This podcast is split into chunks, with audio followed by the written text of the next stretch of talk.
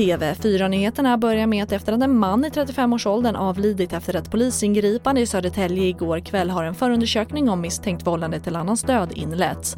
Mannen greps efter att han misstänks för ett grovt rån, något som sen visade sig vara felaktigt. Under gripandet fick mannen svårt att andas och polisen påbörjade hjärt och lungräddning och kallade på ambulans, men mannen avled senare på sjukhus. Och sen till Karlskrona där två män i 20-årsåldern är anhållna på sannolika skäl misstänkta för människorov.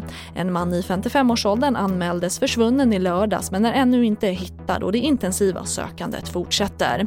Polisen analyserar nu telefontrafik i hopp om att komma närmare en lösning. Och mer om det här kan du se på TV4 Play.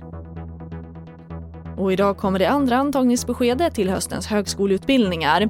Och det är nästan 270 000 som får besked om att de antagits. Det visar statistik från Universitets och högskolerådet.